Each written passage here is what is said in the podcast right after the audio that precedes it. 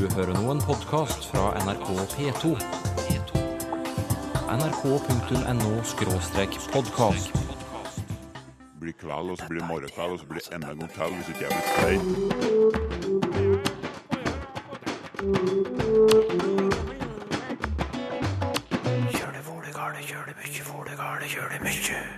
Pinlig dårlig engelsk.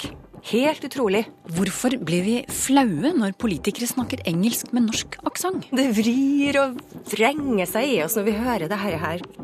Retroflekser er sjeldne språklyder. Hjerne, hjerte, burde. R-ene og L-ene de limer seg fast til lyden som kommer etterpå. Og grisen spiller en rolle i dagens lytterspalte. Og så har du sjølsagt det der med å, å få galtestøkken.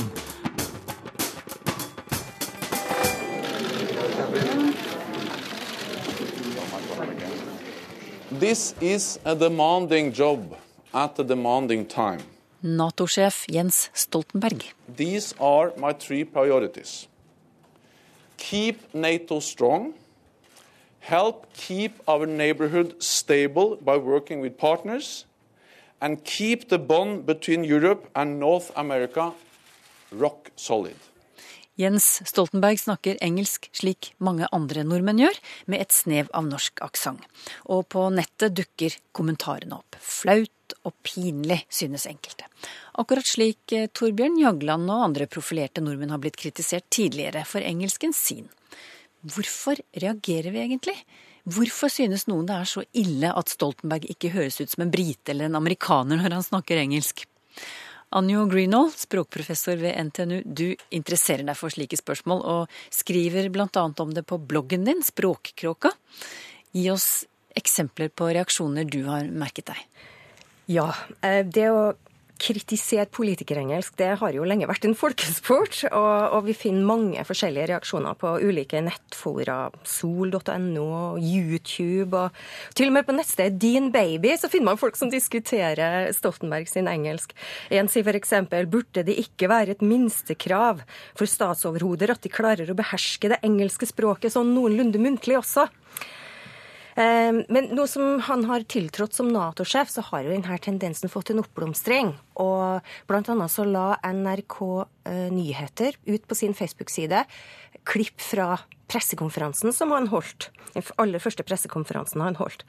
Og da kunne vi f.eks. lese følgende i kommentarfeltet.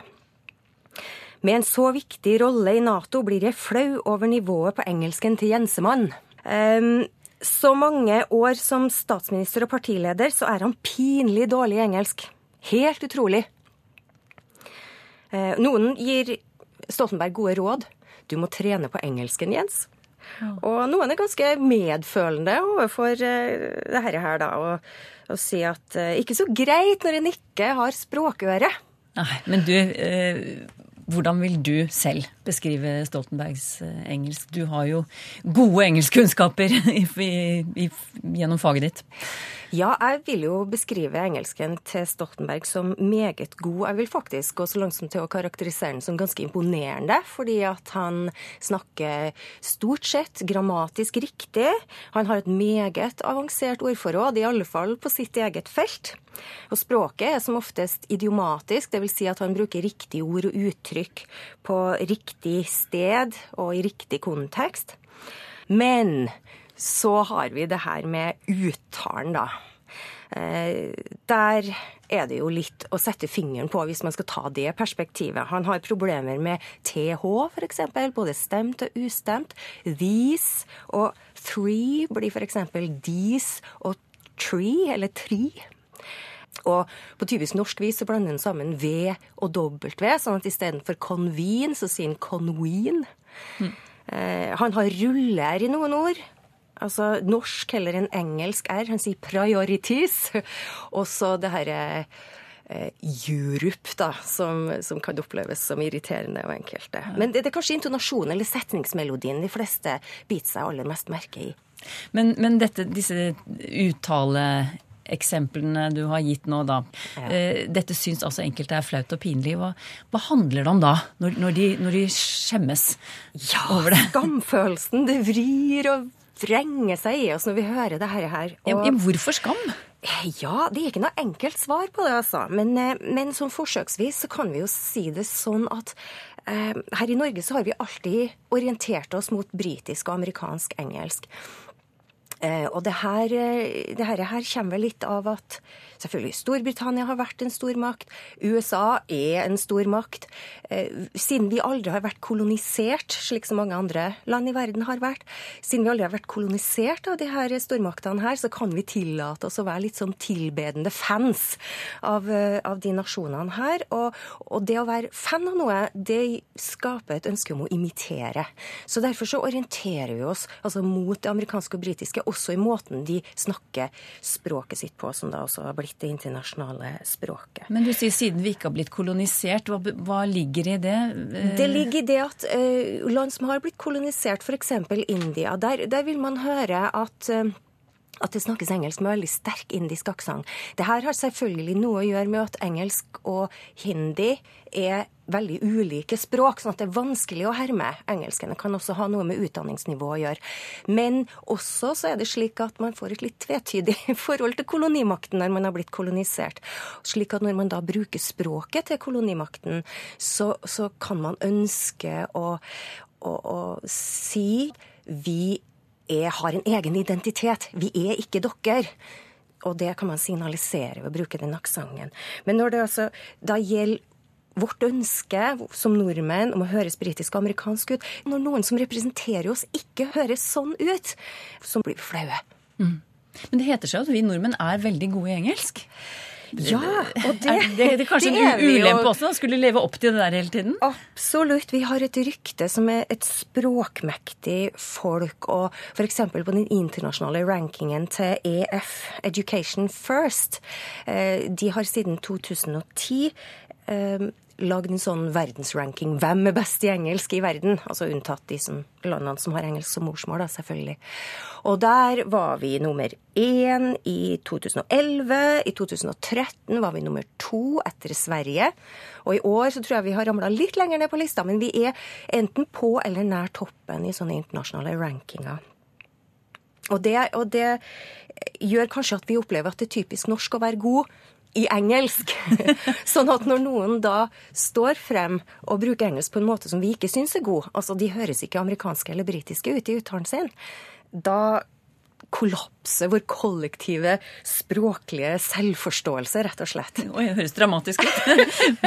Men du, på denne bloggen din som jeg tok eh, utgangspunkt i, så, så skriver du også at du mener at det å snakke engelsk med aksent kan ha en praktisk funksjon. På hvilken måte? For politikere så tror jeg det kan ha det. Eh, og det går på at jeg tror at denne aksenten blir som en slags språklig bunad. Noe vi bærer for å signalisere hvor det er vi kommer ifra. Eh, og hvem det er vi representerer. Altså som, som statsoverhode så representerte jo Stoltenberg Norge.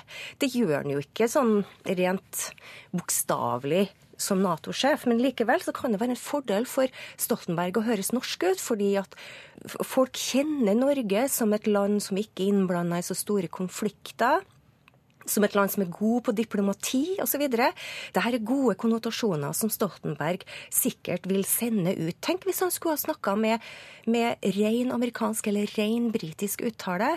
Da hadde jo kanskje noen i Nato kunne fått for seg at han, at han på en måte assosierer seg sterkere med den ene eller den andre, og det kunne jo blitt problemer ut av. Eh, og jeg tror at mange nasjonaliteter i, i politisk sammenheng som bruker aksent på denne måten, for å vise hvor de kommer fra, av, av ulike årsaker.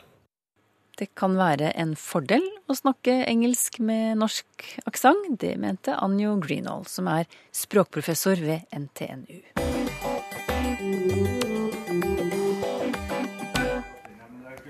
Du, eh, se her. Kan du lese disse tre ordene jeg har skrevet her? Ja, gjerne. Hjerte burde, burde. Takk. Hvorfor er det slik i noen av dialektene våre at f.eks. RN, RT og RD trekkes sammen til én lyd? Sånn som vi nettopp hørte. Hjerte, burde. Det er Åsmund Odnøy som skriver og spør. Han var på ferie i Italia tidligere år og la merke til at italienerne ikke har denne sammentrekningen. F.eks. når de snakker om komponisten Giuseppe Verdi eller matretten chili con carne. Språkforsker Jan Christian Hognestad, har du et svar å gi Åsmund Odnøy? Altså hvorfor hjerte og ikke hjerte? Og hvor utbredt er dette fenomenet i verden? Ja. Da har jeg lyst til at vi skal bli litt ute i verden til å begynne med, og konstatere at dette har med to konsonanter å gjøre, nemlig R og L. Ja. Eh, og de to har faktisk eh, en del til felles rundt omkring i verden, blant annet at de har det som en nesten kan kalle identitetsproblemer. Eh, De er konsonanter, men befinner seg De ligner litt på vokaler òg, det er nokså mye lyd i de, l og r, så de er litt sånn midt mellom vokaler og konsonanter. Og så skjer det faktisk mye rart med de i verdens språk. De flyter rett og slett litt rundt. Eh, ja, hva mener du med det at de flyter rundt? Ja, eh, for det første så eh, er det noen som bare har én av de, sånn som japansk eksempel, og av og til kan det være en smakssak eh, å si hvilken av de det er de har. Eh, Men noen har begge, og da er de ikke sjelden notorisk ustabile. Det hender at de plutselig forsvinner ut av ordene, og av og til kan de til og med bli til vokaler. Har du et eksempel på det, kanskje? Ja da. Eh, vi kan eh, bruke engelsk som eksempel, og la oss ta R eh, først. Der er det jo ord som uten videre har eh, R, som i read og error. Eh, men eh, hvis jeg sier barn og hard og start, så hører vi at der har R-en rett og slett forsvunnet. Vi ser den i skrift, eh, og i noen varianter av engelsk er den der, mens i andre forsvinner den.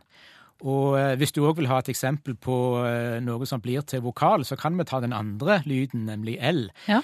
For den fins jo i et ord som like og i elbow, men uh, tar vi et ord som Bible og et, et ord som uh, mill, så kan det uttales sånn som jeg gjorde det nå, med L, eller vi kan si Bible og Ja. mill.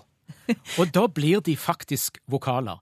Så dette er lyder som ikke veit helt hvem de skal være. Ja, og jeg merker nå at det du har forklart, det er sånne ting som jeg ikke egentlig har tenkt så nøye over, men det er jo helt sant. Men skal vi si nok om det? Det var noen historier fra andre språk, og nå hjem igjen, som det heter.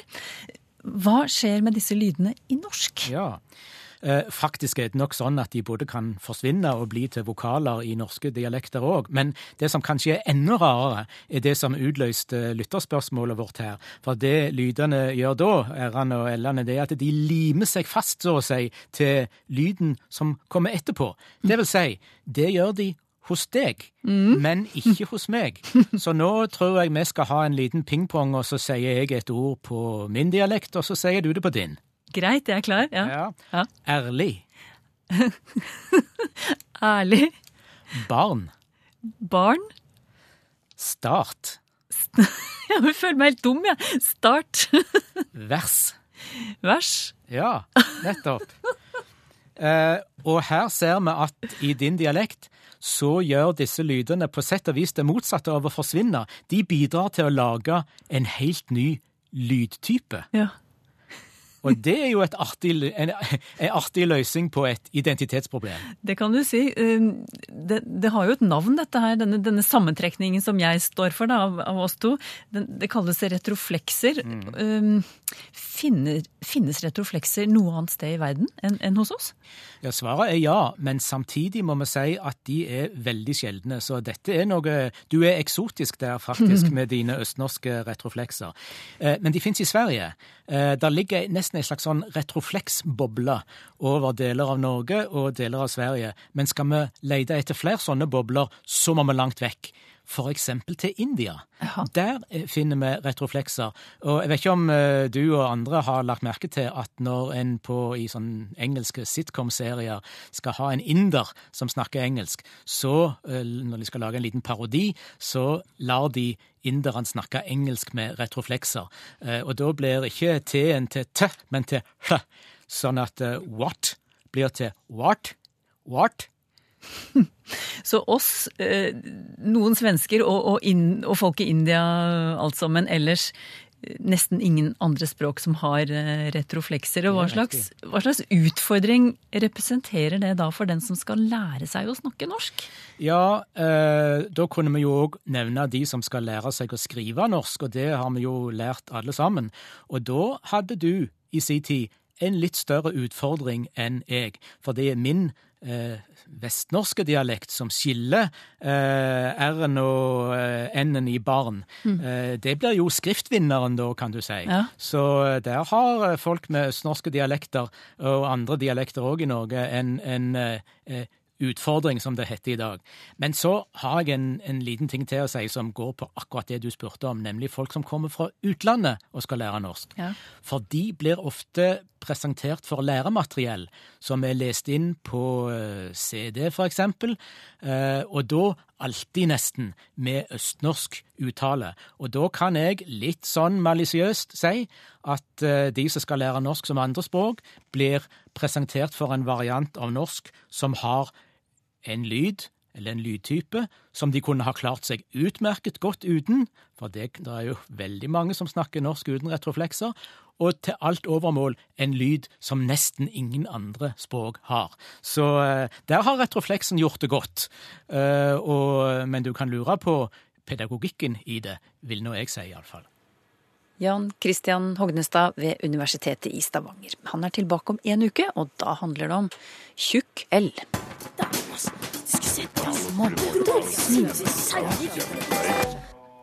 Jag er inte sjuk, jeg er bare svensk. Hvordan parodierer nordmenn svensker, vil en dansk lytter vite. Og jeg sender spørsmålet videre. Skal vi ha lite glas? Parodier en svenske. Kolla, kolla leget da! Noe sånt. Hvorfor da, då? Varför gör de på dette viset? Språkteigen spesial om to uker.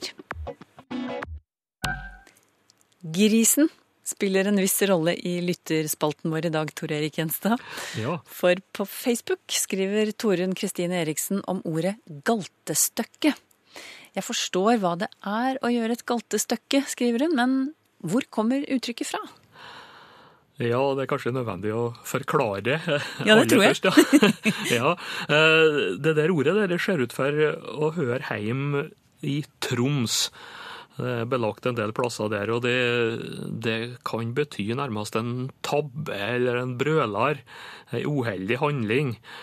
Men også et dårlig arbeidsstykke, da. Ja, det er vel galte her, ja. Hanndyret av svin, som ligger i i første leddet. Og da er det vel forestillinga om eh, galte som litt stiv og tung og klossete, og klønete. Så det er vel det som må være ideen her. Galt Galte er forresten eh, bruka om eh, andre ting, og det kan være bruka om en plass i en åker eh, der plogen ikke har nådd til. Gått over eh, uten å, å ha virkning. Det kan være kalla galte, og der vil det jo da vokse gras i stedet for korn på en slik galte. Og så har du sjølsagt det der med å, å få galtestykken. Det er noe annet. Det er jo nærmest sanseløs skrekk.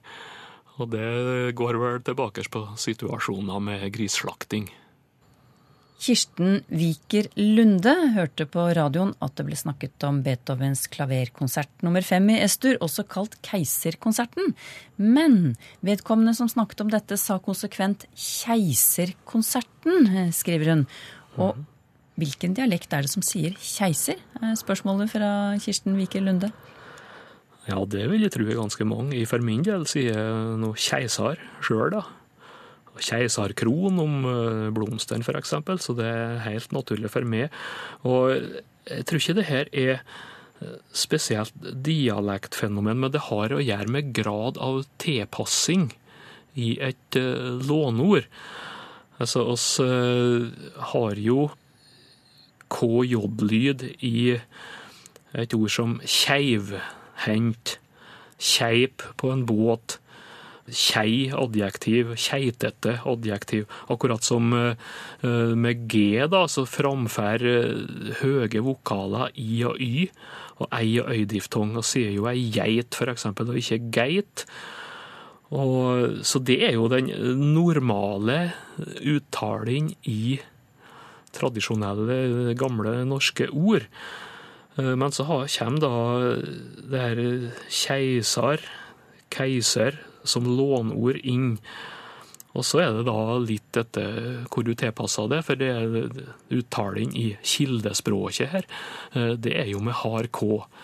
Men så er det da en, en eidiftong, og så kommer det an på om du tilpasser det til norske uttaleregler.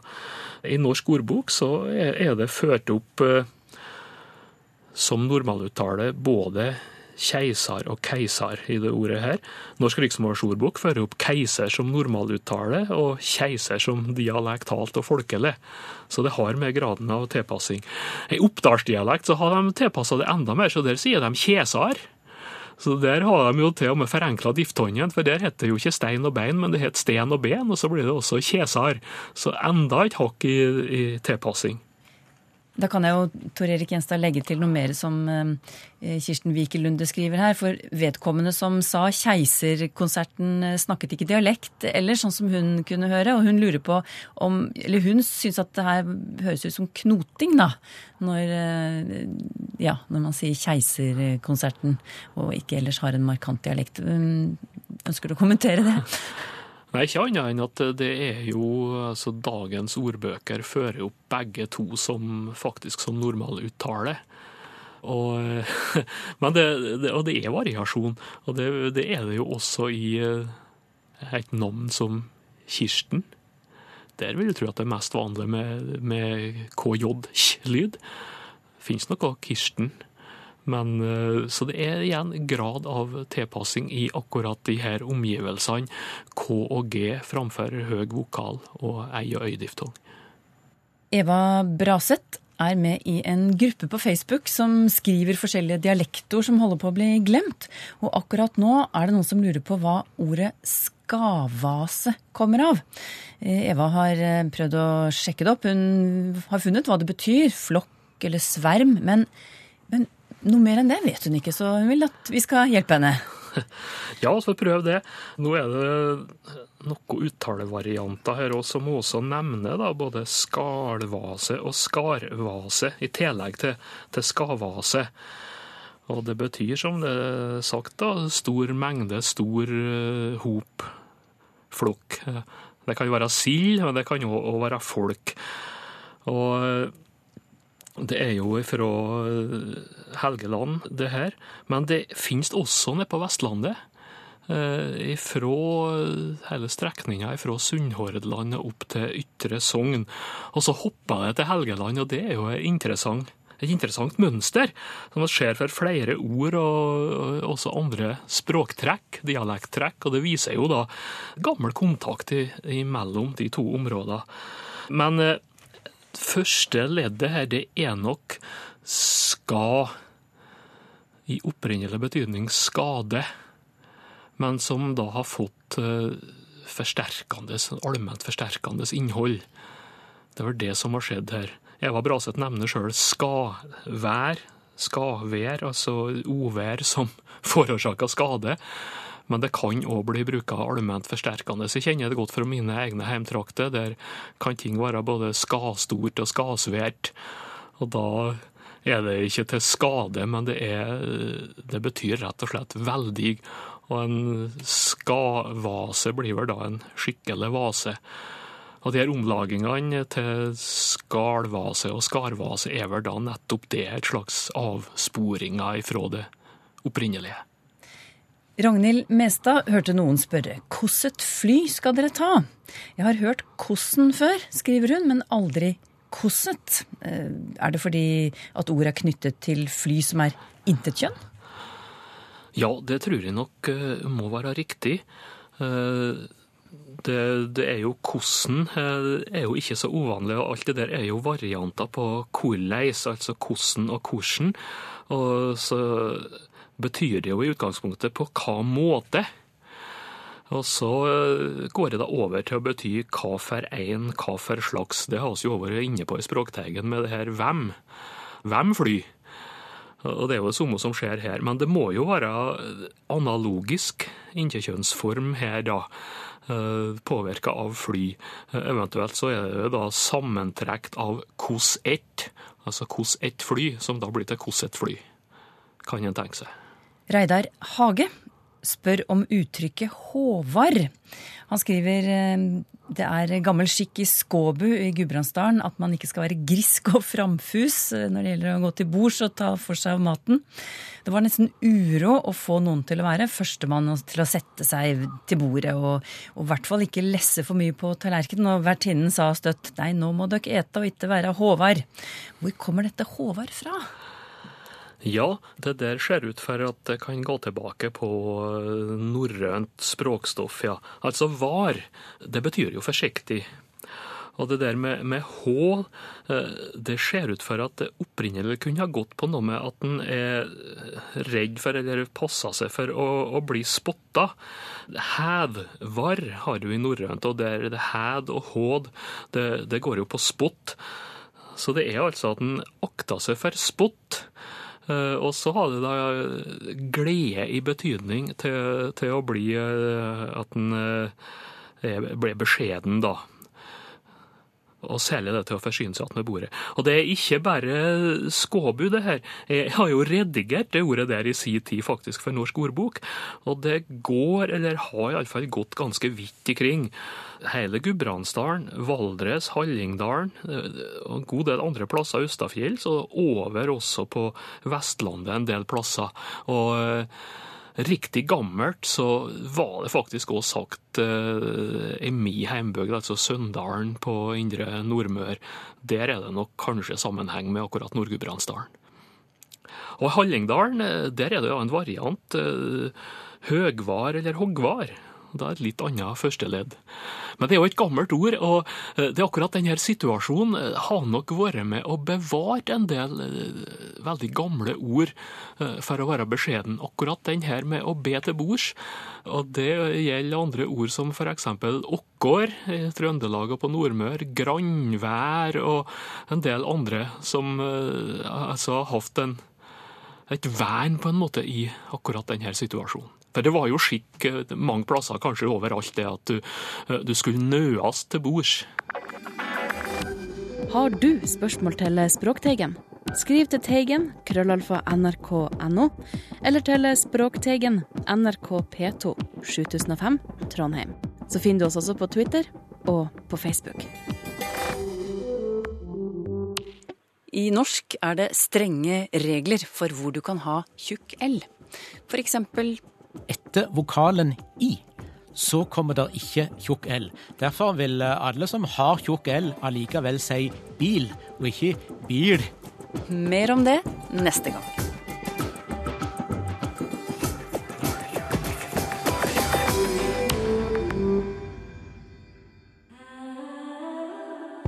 nrk.no podkast.